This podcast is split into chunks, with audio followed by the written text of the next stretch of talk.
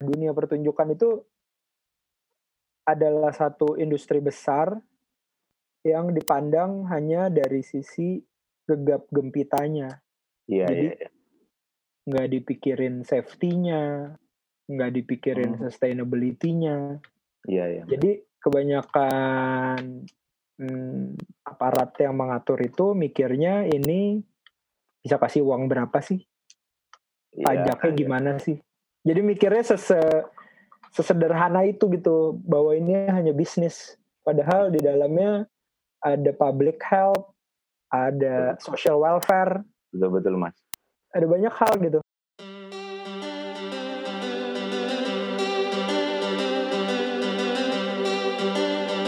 Halo Survivor, kali ini bersama saya Bihram di podcast kesayangan kamu, Podcast Outbreak.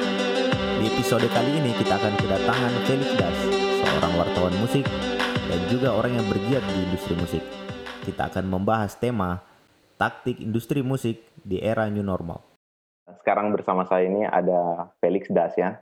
Ya Felix Das ini uh, salah satu aktivis ya, aktivis di skena musik di Indonesia lah. Ya, dia merangkap penulis, uh, sesekali juga ya bantu-bantu gig ya dan artis dan dan lain-lainnya ya. Ya oke untuk uh, la- saya langsung aja perkenalan sendiri ya Mas ya. Oke langsung Mas tolong perkenalkan dirinya Mas kepada para survivors ini. Hai, eh, selamat pagi, siang, sore, malam, eh, subuh juga boleh. Nama saya Felix Das.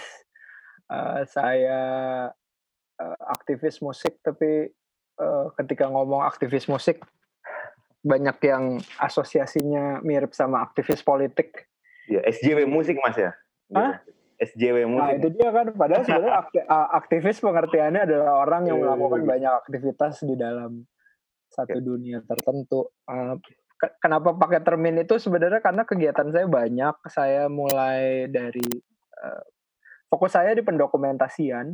Hmm. Jadi outputnya bisa penulis, bisa bikin gigs, bisa hmm, bikin podcast, siaran radio, hmm, jadi konsultan buat brand dan macam-macam. Iya, Jadi iya, iya, oke. termin aktivis itu menyederhanakan menyederhanakan sekian banyak hal yang saya lakukan itu sih sebenarnya. Oke, oke. Eh, ya ngomong-ngomong ini Mas ya, ini kan kita sedang masa pandemi ya.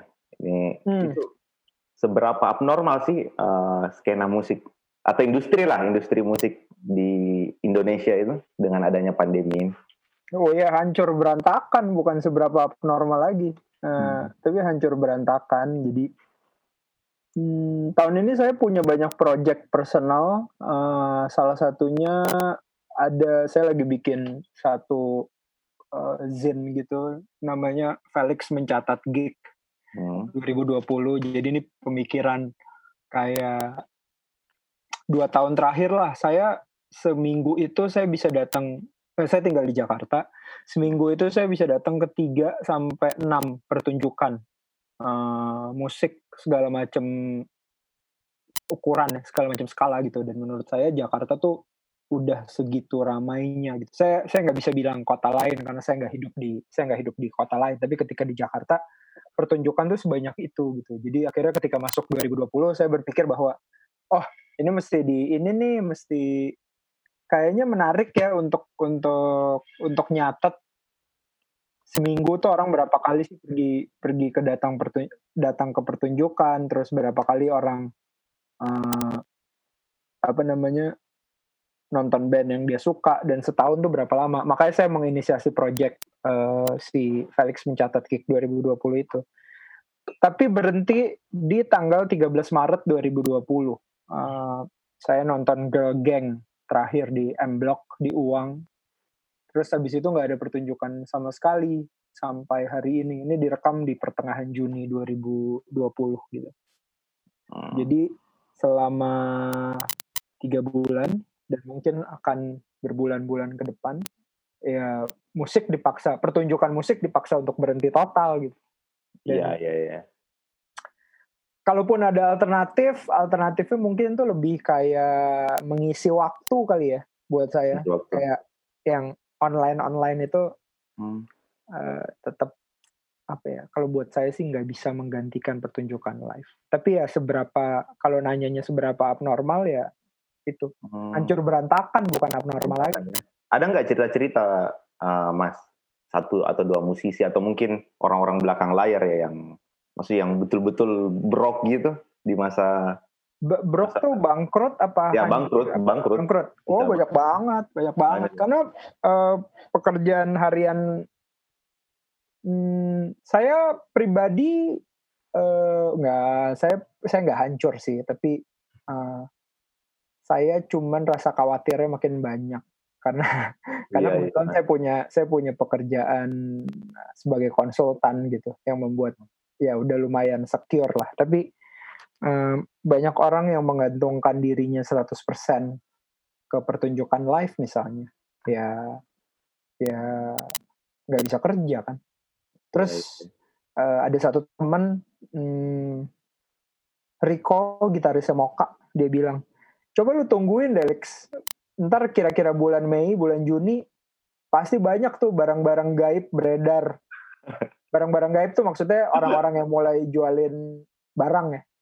Iya ya kalau dalam konteks dia sebagai musisi ya tentu saja alat musik. Kalau dalam konteks saya sebagai penikmat musik bisa jadi kaos band CD-CD aneh plat.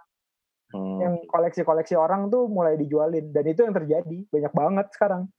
Banyak banget. Jadi oh iya, iya. eh ya kebayang kalau kalau kalau orang yang paling repot tuh gini saking sebelum sebelum pandemi itu buat musisi yang berbasis di Jakarta tuh banyak banget kisah sukses yang membuat mereka secara secara sisi finansial pun baik gitu. Iya, iya. Akhirnya walaupun ternyata setelah kejadian begini jadi tahu kalau ini nggak sustainable ya. Hmm. yang buruk itu adalah udah pekerjaan berhenti masih dikejar cicilan iya iya itu bahaya banget Iya, iya, orang-orang iya. satu hal buruk tentang hidup di Jakarta adalah kamu jadi sangat-sangat konsumtif gitu dan betul uh, betul. uh, oh iya saya- jadi saya punya cerita juga nih mas. Hmm. jadi eh, maaf ya saya potong ya. Jadi apa-apa eh, silakan. ya ini ada cerita nih. Ini kebetulan kan saya dokter gigi mas ya. Saya Hmm. praktek sehari-hari saya di sebuah klinik gitu. Nah eh, suatu hari eh, waktu di masa pandemi kan saya eh, di akhir semingguan lah semingguan terbelakangan ini saya buka klinik lagi kembali nah eh, ada pasien saya tuh. Pasien saya ke- eh, kebetulan klinik saya BPJS dan pasien saya ini salah satu kru lah. Kru kayak kalau nggak salah dia gitar ya gitar gitar technician salah satu ya band indie yang cukup besar lah di di Indonesia ya. Nah dia mengeluh tuh maksudnya eh saya ini eh, dok saya ini kesulitan nih eh, bayar gini gini gini gini. Ya mungkin agak relate ya mas ya dengan kondisi mas jadi dia dia eh, si dia cerita juga bilang kalau artisnya mah enak artisnya bisa bisa bisa apa YouTube jadi vlogger gitu bisa melalui ads ya AdSense ya. Sedangkan kru-kru ini gimana mas nasibnya? Gitu gitu sih. Ya Hmm. begitu memang. Eh, yang paling yang paling terkena efek tuh ya itu karena Hmm. hmm, kebanyakan adalah pekerja yang dibayar ketika ada event. Hmm, iya, iya. jadi ya kalau eventnya nggak ada ya otomatis nggak ada pekerjaan kan. Hmm. Iya, ya. jadinya nggak sehat mas ya, industri juga ya. Eh, ternyata kita tidak sustainable. Ternyata. Oh, Mm-mm. Sustainable. Jadi eh, itu satu hal yang harus dipertanyakan lagi di masa yang akan datang. Pekerjaan ini ternyata belum sustainable gitu. Hmm, Oke, oke mas, ini kan ini kan eh, pemerintah sudah menetapkan perma new normal ya, dan ini kan beberapa harian ini sudah buka tuh, sudah buka kafe, tempat-tempat hangout, tempat makan gitu. Apa apa industri musik juga bakal perlahan-lahan juga eh, baik juga atau gimana mas? Eh, harusnya balik sih, harusnya balik. Tapi memang yang paling menyebalkan kalau buat saya sebagai salah satu debu di dalam semesta bernama Indonesia ini, eh, saya paling Debu. saya kalau kalau debu ini boleh bersuara ya, Oh, iya, iya, iya. saya paling nggak suka dengan cara eh, pemerintah membawa persoalan ini ke arah ketakutan gitu. Hmm. Jadi kita bahkan sampai hari ini lupa bahwa eh, gimana sih mekanisme teknis virus itu bisa masuk ke tubuh kita gitu. Hmm. Kita kita hanya diperingatkan berulang-ulang jangan jangan jangan jangan. Jadi basis basis pemahaman akan persoalannya tuh nggak kuat gitu. Jadi kita hanya dikasih tahu jangan jangan jangan. Hmm. Ya sudah. Tapi kita nggak dikasih pengertian gitu bahwa ini bahayanya bisa gimana gimana gimana. Saya pribadi ada empat orang uh, ada empat orang uh, perempuan hebat di dalam hidup saya kena uh, COVID. Uh, Positif ya mas? positif. Uh, satu tante kandung saya, uh, dia tinggal di India, uh, sembuh. Satu ibunya teman baik saya, tinggal di uh, Jakarta Selatan, sembuh. Uh, dua ibunya teman saya meninggal. Jadi persoalan ini super dekat sama saya. Jadi ketika ditanya balik lagi ke Hmm. Saya saya saya benci banget sama fear yang ditimbulkan gitu. Karena fear itu membuat kita jadi nggak paham sebenarnya apa sih yang mesti dilakuin gitu untuk untuk untuk mencegah dan segala macam. Karena saya percaya kalau saya saya tipe orang yang percaya bahwa yang diserang apa sih imunitas tubuh gitu ya. Imunitas tubuh berarti yang mesti di kita tuh punya kontrol loh untuk menciptakan imunitas. Tentu kita akan akan bisa berdebat panjang tentang nggak semua hmm. orang bisa punya kemampuan itu dan segala macam. Ya. Tapi kenyataan bahwa imunitas itu tidak dijadikan paham pertama yang harus dipelihara gitu, buat saya sih lumayan bikin patah hati. Nah, balik lagi ke tadi, karena saya lumayan patah hati, saya jadi jadi jadi orang yang sangat hati-hati gitu. Uh, hmm. bukan takut ya tapi hati-hati. Jadi kayak saya masih pergi keluar tapi keluar itu seperlunya uh, saya nggak mau jadi bagian dari masa yang wah kita kan udah lama nih ditahan segala macam. Ayo kita pergi iya. ke mall lagi ayo kita pergi makan di luar lagi ayo ayo kita pergi nonton band lagi.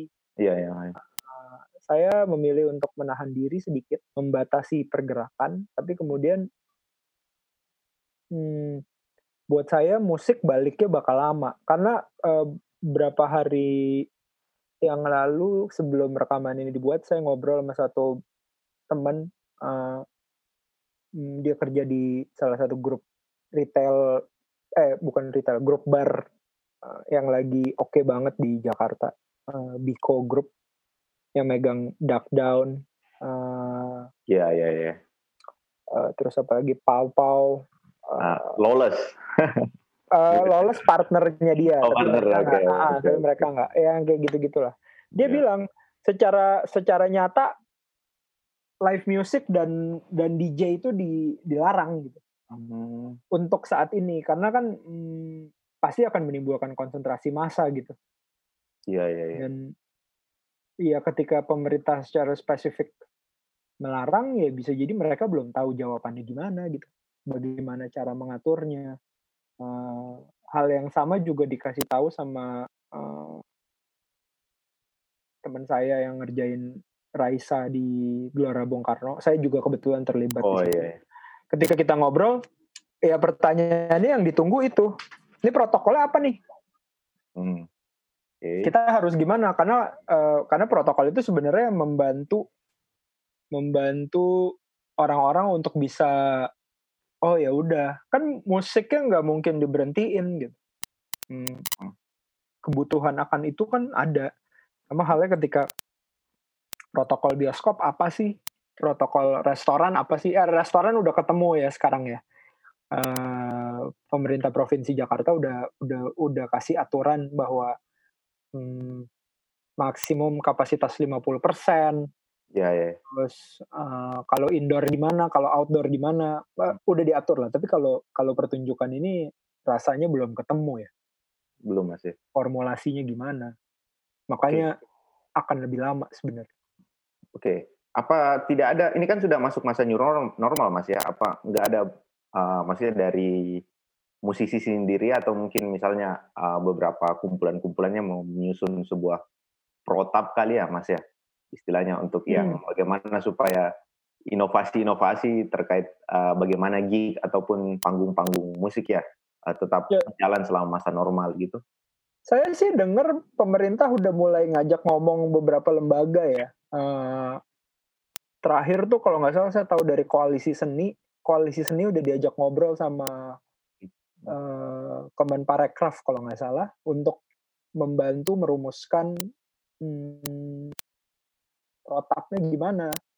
Hmm. Tapi kan ya bisa aja bikin bikin gig kecil nggak usah dipublikasiin segala macem main Ya, berdua ya, sama teman-teman ya kita kita kita ini kan gerilyawan ya emang Ya, emang nggak pernah nggak pernah segitunya diperhatiin sama otoritas gitu. jadi di- harusnya sih di harusnya DIY.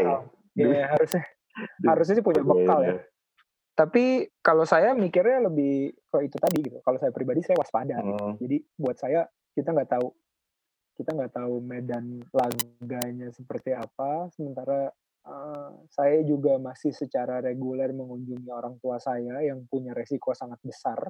Oke oke oke. Jadi ya jaga diri lah sejauh. Tapi itu menarik loh yang Mas tadi sebut bahwa eh, ternyata digital itu nggak bisa banyak membantu Mas ya. Misalnya bisa. Spotify ataupun misalnya YouTube gitu algoritma YouTube apa tidak Sekarang membantu? balikin aja. Diram Diram nonton YouTube satu video 45 menit emang bisa straight. Iya sih, iya betul betul betul. Bisa straight. Dibandingkan konser ya, enggak iya. sih enggak. Kalau konser kan nggak punya pilihan. Ah, Pilihannya tinggal pulang atau ngapain gitu. Kalau iya, ini kan karena kita tahu kita punya opsi bahwa oh ya udah ini bisa di pause Hmm. dulu, ntar mulai lihat lagi.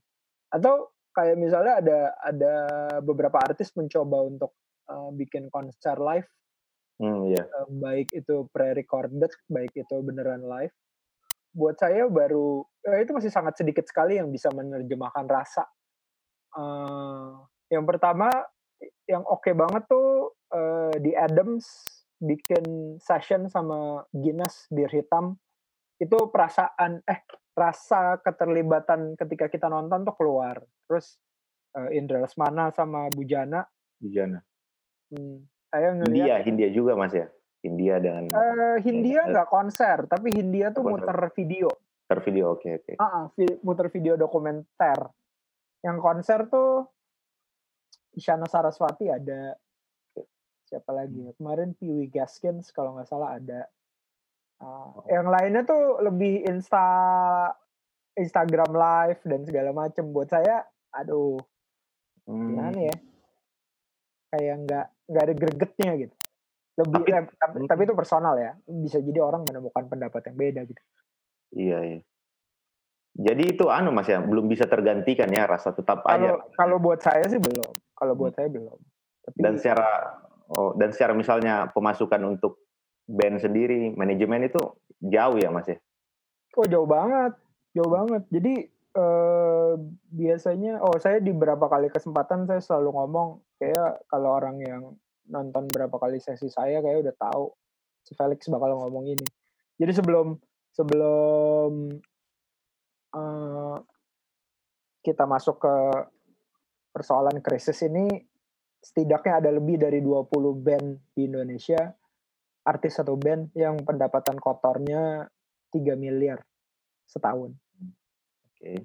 Uh, Wow. Industrinya segede itu, industrinya segede itu. Gede ya. Jadi, bayang, Besar, jadi bayangin, iya bayangin aja misalnya eh, satu band bayarannya 40 juta sekali main. Oke. Setahun dia main 75 kali aja. Wush. Dapat 3 miliar kan? 3 miliar. Iya. Dan itu ada lebih dari 20. Jadi Hmm. eh, segede itu gitu. Sementara sekarang ketika ketika masuk ke era krisis eh, ideologi band mulai kelihatan tuh. Ada yang mata duitan, Oh. ada yang apa? Ada yang oh ya udah kita kan semuanya lagi krisis nih. Kita perlu kegiatan biar gak gila. Ada tawaran apa pun sikat deh. Yang kemarin adalah kemarin deh. Hmm. Eh, kita mungkin belum bisa balik lagi ke sana, nggak apa-apa. Jadi ketika dunianya runtuh, mentalnya tuh ngebangun. Ayo kita bangun lagi yuk dari puing-puingnya. Itu ada ada yang mata duitan. Itu mata duitan seperti gimana Mas? Ya misalnya ditawarin nih, eh, kayak Diram nawarin saya gitu ngobrol yeah. yuk segala macam tiba-tiba saya keluar quotation gitu Hmm. Oh, quotationnya oke, kayak oke. quotationnya kayak saya diajak ngobrol sama brand Iya, iya, iya. normal gitu jadi buat saya kayak misalnya gini deh eh, kemarin saya salah satu salah satu pekerjaan yang saya jalani saya ada diajak ngobrol sama satu agensi untuk hmm, mereka lagi ngumpulin insight dari pelaku industri untuk mengakali keadaan gimana gitu ya kan Uh, Hmm. Jadi buat mereka jualan nih nanti ke brand-brand pasca pandemi apa aja sih yang bisa dilakuin gitu. Uh, saya bilang ya rate saya biasanya sekian, Hmm. Uh, tapi sekarang ya saya harus menghargai setiap tawaran yang ada gitu. Tawaran kamu berapa? Sekian. Oh ya udah, ayo sikat aja. Ya karena Oke, emang maksudnya eh, ya ini semua nggak normal gitu nggak nggak bisa ya saya nggak masalah juga kalau orang bilang wah lu murahan lu segala macam ya, ya, cari uang susah kok. Ya Masa realistis mas ya. iya jadi nggak realistis itu menurut saya. Tapi ada juga yang kayak ah nggak usah lah kita nggak usah. Brandnya kan pasti punya duit atau yang ngajak kita eh, main punya duit. Ya bayar aja kalau enggak ya kita nggak usah main. Oh ya nggak apa-apa juga.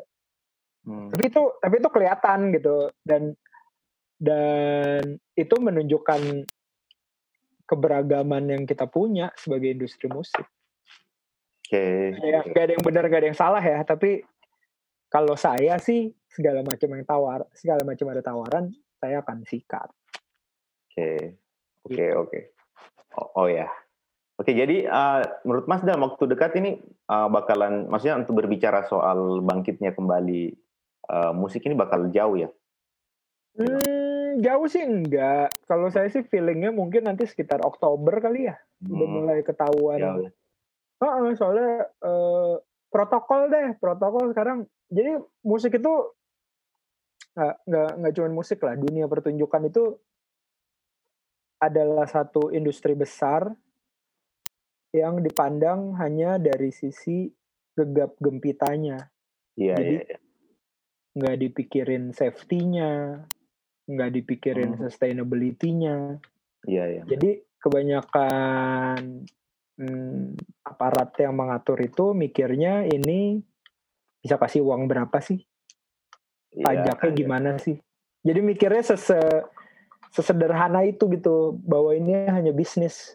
Padahal di dalamnya ada public health, ada social welfare, Betul, betul Mas. ada banyak hal gitu. Eh, Iya, iya. Ya, menurut betul. saya sih ya Oktober kali ya mungkin tiga bulan dari sekarang tiga bulan empat bulan gitu baru ketahuan aturannya gimana segala macam karena kalau aturan gak jelas juga ujung-ujungnya ntar grebek lagi dibubarin iya, lagi iya. Iya, ntar ya. bisa bisa di bawah tangan yang penting aman yang gitu-gitu loh jadi Hmm, nggak nggak oke kalau buat saya sih. Iya. Iya sih Mas, maksudnya eh ya ya kami juga ini ya sebagai pengelola podcast ini juga salah eh, orang yang percaya bahwa musik itu bisa bagian dari public hal dan itu bisa eh, bisa menyehatkan lah secara nggak langsung ya itu Iya. manusia manusia gitu kan. Nah ini eh, ini kan yang menarik Mas ya. Eh, tadi Mas sebut bahwa industri musik itu sangat jauh ya misal dari konsep-konsep yang lain ya. Nah ini kan eh, ya semisal ya semisal uh, ke depannya ini bakal bakal ada gig ya gig atau misalnya pagelaran-pagelaran panggung-panggung musik lah. Nah ini kan uh, panggung musik ini kan uh, ya kami lihatnya mayoritas rokok ya mas ya uh, sponsornya rokok cocok mas ya. Iya lagi banyak lagi banyak Ah. rokok Nah sedangkan uh, semisal rokok ini kan salah satu faktor uh, kematian dari uh, COVID-19 ini. Nah itu itu kira-kira menyiasat, menyiasatinya itu gimana mas ya? Apa uh, dari sudut pandang mas sendiri kira-kira? Misal, Maksudnya- misalnya maksudnya rokok rokok itu jadi eh, salah satu Pemicu. pemicu, pemicu, gitu ya pemicu ya, karena karena kalau gara-gara covid kan covidnya tidak mematikan tapi ketika iya, mereka enggak, ah, bereaksi dengan penyakit lain jadi mematikan iya, iya, iya, iya. oh gitu maksudnya Ya. oke hmm, kalau saya sih sebenarnya eh, selalu percaya bahwa saya ngomong-ngomong makan dari perusahaan rokok jadi saya Iya, jadi iya. konsultan untuk beberapa perusahaan rokok Uh, saya saya punya teman orang yang begitu menghamba sama perusahaan rokok. Saya punya teman yang begitu anti sama perusahaan rokok. Tapi kemudian dari situ saya jadi bisa mengambil sikap uh, dan saya pun saya jadi ada di tengah-tengah gitu karena saya punya tujuan yang lain yang mungkin nggak bisa dipandang secara secara persis dengan mereka yang begitu menghamba dengan mereka yang anti gitu. Hmm. Uh, menurut saya setiap industri itu punya punya punya dorongan baik dan dorongan jeleknya sih. Uh, ketika tadi Diram berpendapat bahwa misalnya rokok adalah salah satu pemicu uh, penyakit apa namanya penyakit lanjutan yang komorbid, yang, komorbid mas. Bahasanya apa? Kematian lah. Komorbid. Komorbid. Faktor, faktor okay. resiko lah. Faktor nah, resiko. Okay. Ah. Faktor resiko, oke. Okay. Uh, harus harus pakai bahasa manusia saya terlalu awam. Iya iya faktor faktor iya. resiko aja mas. Yeah. Faktor nah. rokok sebagai faktor resiko gitu ya. Iya iya iya. Ya. Saya menempatkannya lebih kayak apa pun bisa jadi resiko gitu sekarang. Uh, sama yeah. kayak misalnya minuman keras gitu. Sama ah. seperti misalnya uh, mabok kekuasaan juga kacau ya. Moshing, moshing. Iya. Ya, ya musik. Wah. Menurut saya, menurut saya daripada rokok ya lebih bahaya pelecehan seksual di scene musik gitu. Karena, iya, iya. karena rokok, karena rokok itu kontrolnya ada di diri kita gitu. Hmm. Sama-sama ada di diri kita gitu. Uh, saya bisa aja hari ini saya makan dari perusahaan rokok, uh, tapi saya nggak ngerokok gitu. Hmm. Bisa aja karena saya punya alasan yang sangat kuat kenapa saya tidak merokok. Saya, ya, saya punya betul. alasan yang sangat kuat ketika saya minum gitu. Yang harus iya. ditumbuhkan adalah pemahaman di dalam diri masing-masing gitu. Bahwa itu semua yang kita ambil tuh pilihan. Mulai hmm. dari mulai dari jadi sayap kanan, jadi sayap kiri, jadi pemain bola, jadi politisi, jadi dokter gigi. uh, yeah, yeah, yeah. ngerokok, minuman minum minuman keras, uh, orientasi seksual, kiri kanan atas hmm. bawah, uh, semua pilihan gitu dan semua harus bolehnya dari diri sendiri. Buat saya seperti itu. Um, tapi ya hmm. saya bisa saya bisa memahami ketika ada ada teman saya yang bilang, oh saya nggak mau main sama di acara rokok karena saya nggak mau berkontribusi pada pada faktor resiko gitu ya. Iya. Yang mungkin menyebabkan oh ya nggak apa-apa juga. Ada orang yang bilang, oh kita nggak bisa gerak kalau nggak ada sponsor rokok. Iya nggak apa-apa juga. Jadi uh, kalau buat saya semua harus dibalikin lagi ke pemahaman pemahaman individunya seperti apa gitu. Karena nggak uh, bisa dilihat hitam putih gitu aja sih dia. Iya iya iya. Jadi anu masih terserah tergantung dari misalnya penyelenggaranya ya ataupun musisinya iya. mungkin ya. Hmm. Iya, semua balikin lagi aja. Kayak misalnya saya saya suka banget sama saya punya respect yang sangat besar dan suka banget sebagai di level penggemar sama dua band. Frau dan No Stress. No Stress Bali. Bali. Yeah, iya. Yeah. Keduanya menolak untuk main di acara rokok dengan alasan apa pun. Jadi um, ya saya tetap ya nggak apa-apa karena saya konsumsi adalah musiknya bukan sikap politis okay. mereka terhadap brand-brand tertentu gitu iya iya, iya. Eh, dan itu akhirnya balik lagi kan ke saya sebagai individu gitu hmm. saya punya uh, punya preferensi seperti apa gitu. Hmm. Oke oke.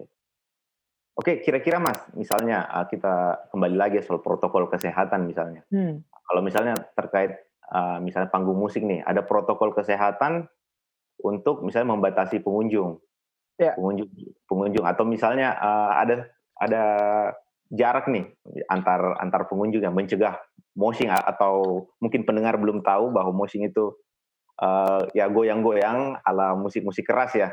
Itu uh, badan itu, ya membenturkan badan ataupun misalnya stage diving lompat dari bibir panggung gitu yeah. itu kalau misalnya tanpa hal-hal seperti itu apa nggak menghilangkan esensi dari uh, pagelaran musik nggak kira-kira mas ya? Ya menghilangkan lah, tapi daripada nggak ada. Daripada nggak ada ya. Oh. Iya. harap harap harap diingat bahwa semua yang kita punya dari Maret 2020 dan ke belakang itu udah hancur berantakan. Jadi yang kita lakukan sekarang ke depan adalah membangun sesuatu yang hancur berantakan itu satu demi satu lagi gitu. Uh, dan buat saya pola pikir membangun itu mungkin akan menghasilkan banyak pemakluman ya. Iya iya iya. iya. Jadi ya udahlah daripada nggak ada nggak apa-apa lah nggak usah moshing. Hmm. Hmm. Pasti akan Atau ketemu bentuk-bentuk baru iya, iya. Atau itu mungkin aneh ya proses adaptasi juga kita ya. Iya ya. Adap maksudnya maksudnya manusia kan iya. manusia manusia selalu diberkahi sama kemampuan hmm. beradaptasi kan. Uh, rasanya sih ya harusnya nggak sulit-sulit amat ya. Tapi ya kita lihat aja nanti gimana. Hmm, yang jelas ada aja dulu mas ya, itu ya intinya. Iya kalau buat ada saya sih dulu. ada aja dulu. iya. Iya iya. Mana kalau mikirin itu nanti. Soalnya kalau mikirin nanti begini begitu begini begitu, aduh nggak mulai mulai kita. Iya iya iya iya. Ya. Gitu. Oke mas, kalau kalau harapan mas sendiri ya uh, dengan adanya istilah new normal ini apa sih untuk misalnya untuk industri musik dan lain ya, sebagainya. Ya harapan saya sih nggak nggak nggak muluk-muluk lah kita sehat aja dulu. Soalnya uh, sehat sama punya kesadaran lah. Maksudnya kalau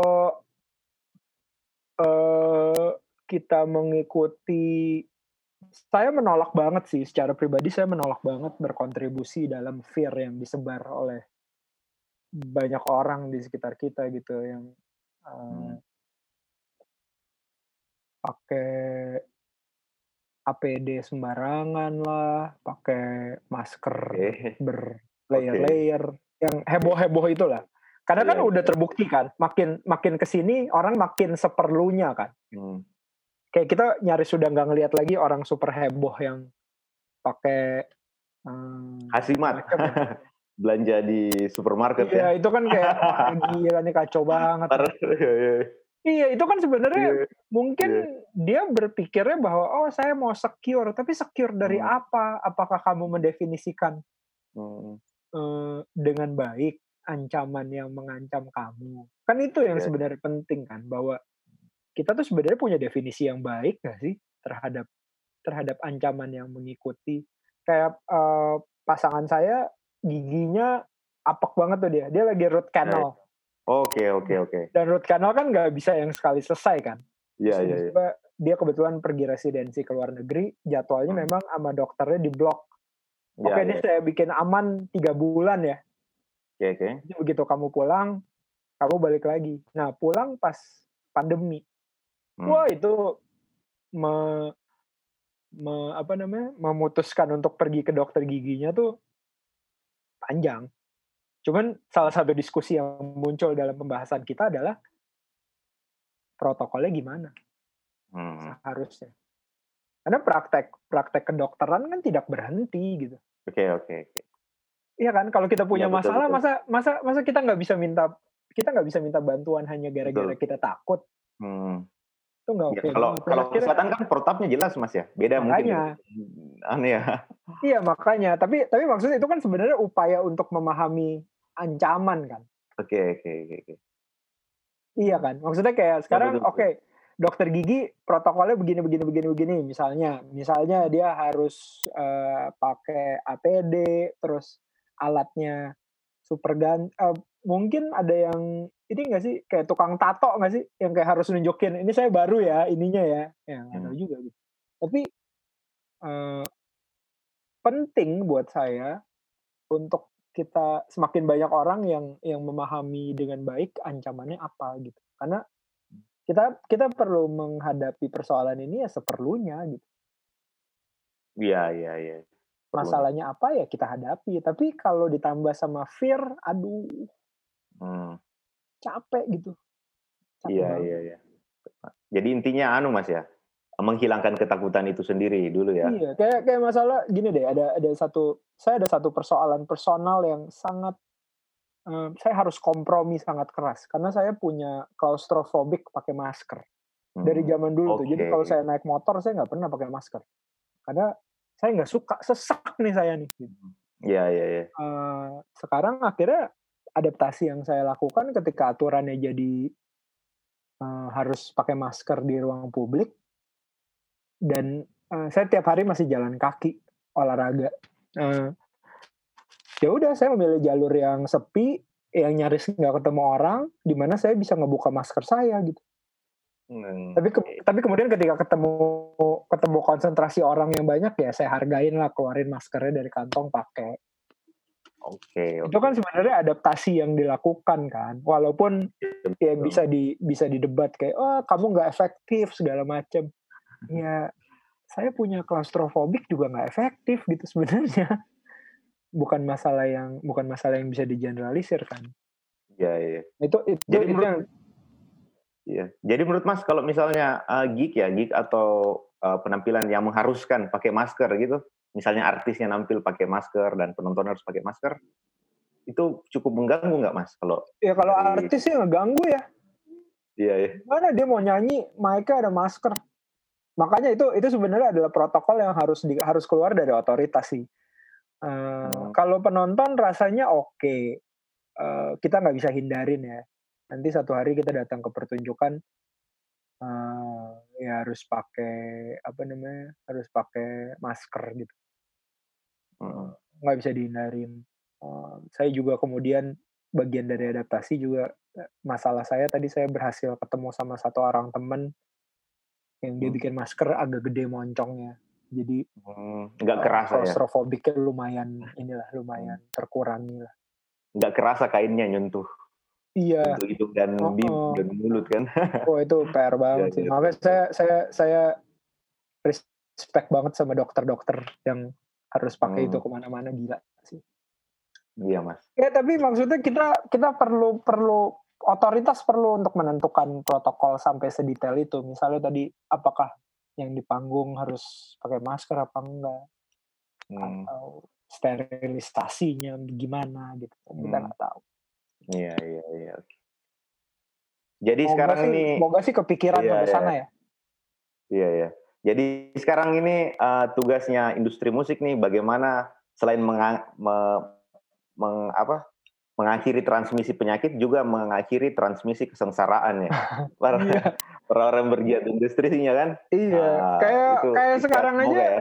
semoga kayak sekarang aja pertengahan Juni aja ketika ada eh, apa namanya PSBB transisi oh istilahnya Hmm. banyak banget tuh harusnya ada yang nulis tuh istilah-istilah yang digunakan otoritas tuh kreatif Oh iya. Kayaknya sudah ada di asumsi Mas. Asumsi udah sudah ada, ada nulis. nambah, udah nambah nulis mulu tuh. istilahnya bajingan gila Bagus, orang bagus. susah, sus- susah banget ngertinya ini apalagi Iya, PSBB tapi transisi gimana sih Eh, Iya, kayak di? PSBB transisi ini kan juga Hmm. Tiba-tiba orang udah mulai banyak pergi ke kantor dan segala macam. Saya sih nggak, saya saya sih tipe kerjaan saya banyak kerja dengan agensi gitu. Ini udah ketemu agensi-agensi yang geragas, yang udah lama nggak bisa cari uang, tiba-tiba ayo kita cari uang lagi. Dan itu benar kayak Hmm. ritme kerjanya gila sih. Iya, Jadi, iya. Ya mungkin nanti musik begitu juga ketika udah ketika iya. udah dibuka setiap orang bi, eh, semua orang langsung bikin konser aja lagi kali. Hmm. Iya iya. Ya semoga lah Mas, semoga cepat berakhir. Semoga saya sih saya sih Ada pengen proyek saya Felix nyatet gig 2020 itu berlanjut terus. Oke, iya. Ya kita doain deh Mas, yang terbaik lah untuk proyeknya Mas Iya, ya. terbaik. Tapi Oke. wait and see lah, wait and see. Sip sip. Oke Mas, eh, menurut Mas nih, sebutkan lima lagu yang mewakili perasaan Mas di pandemi COVID ini. Sekarang, Iya sekarang. oke. Eh, suar eh, Hmm. terjadilah, Oke. terus festivalis gas, Enggak. Oke. eh, terus eh, Pangalo, Anthem. Hmm. yang Pangalo Anthem harus dilihat harus dicari ya kalau yang buat yang Ya, ya. dengerin karena Hmm. eh, liriknya keren banget. Oke, itu Kalau rekomendasi lagu ya. Iya. Untuk para Kalau pendengar kamu- wajib tuh Survivor Iya, harus kalau dengar. kamu kalau kamu mendengarkan lagu Pangolo judulnya Anthem itu kamu Ah. ngerti kenapa kita kenapa itu relevan buat buat era kita sekarang. Terus eh Nadine Amizah featuring eh aduh apa sih itu nama bandnya Syarikat Idola Remaja eh, Oh, iya, Sorai iya. ada Sorai. track terakhir di Oke. Sorai, Sorai Sorai. di Sorai itu single lamanya Nadine Amizah tapi di di remake ulang untuk album penuhnya dan menampilkan si uh, Syarikat Idola Remaja. Sama satu lagi eh, dialog dini hari judulnya Garis Depan. Oke. Itu ya. Jadi itu- apa tadi diula- diulangin eh, Suar judulnya Terjadilah. Eh, Festivalis judulnya Gas. Pangalo judulnya Anthem. Hmm, Nadine Amizah featuring Syarikat Idola Remaja judulnya Sorai. Satu lagi Dialog Dini Hari Garis Depan. Oke, jadi itu lima lagu ya, lima lagu untuk para survivor. Survivor, survivor itu pendengar ya Mas ya, pendengar Ya. kami. Ya, untuk kalian dengarkan dan renungi Mas ya, gitu ya. Ya boleh, boleh ketawa-ketawa Oke, sambil oke. dengerin, bebas Iya, iya. Ya, cuma ya kadang-kadang sih anu Mas ya, hal yang paling enak tuh dari kegetiran tuh menertawakannya Mas ya. Iya, gratis lagi. Gratis. Kan kita ujung-ujungnya cuma bisa ketawa. iya, iya, betul, betul, betul Mas. Oke, ada last statement? Last statement apa ya? Enggak lah, sehat-sehat aja semuanya. Sehat aja. Uh, Jangan lupa bahagia. Oke, oke. eh, terima kasih Mas eh, atas kunjungannya ke podcast kami. Terima kasih Diram. Eh, eh, kami ucapkan terima kasih. Terus eh, semoga orang-orang terdekat yang Mas tadi sebutin eh, bisa segera sehat dan juga proyeknya terus jalan dan bisa berhasil dan juga utamanya eh, industri musik kita bisa bergeliat kembali agar masyarakat-masyarakat kita ini bisa sehat mental ya, sehat secara mental, sehat fisiknya, sehat jiwanya dan lain sebagainya. Oke Mas, eh, sekian eh, terima kasih atas kehadirannya eh, dan sampai jumpa kawan-kawan survivor, sampai jumpa di episode selanjutnya.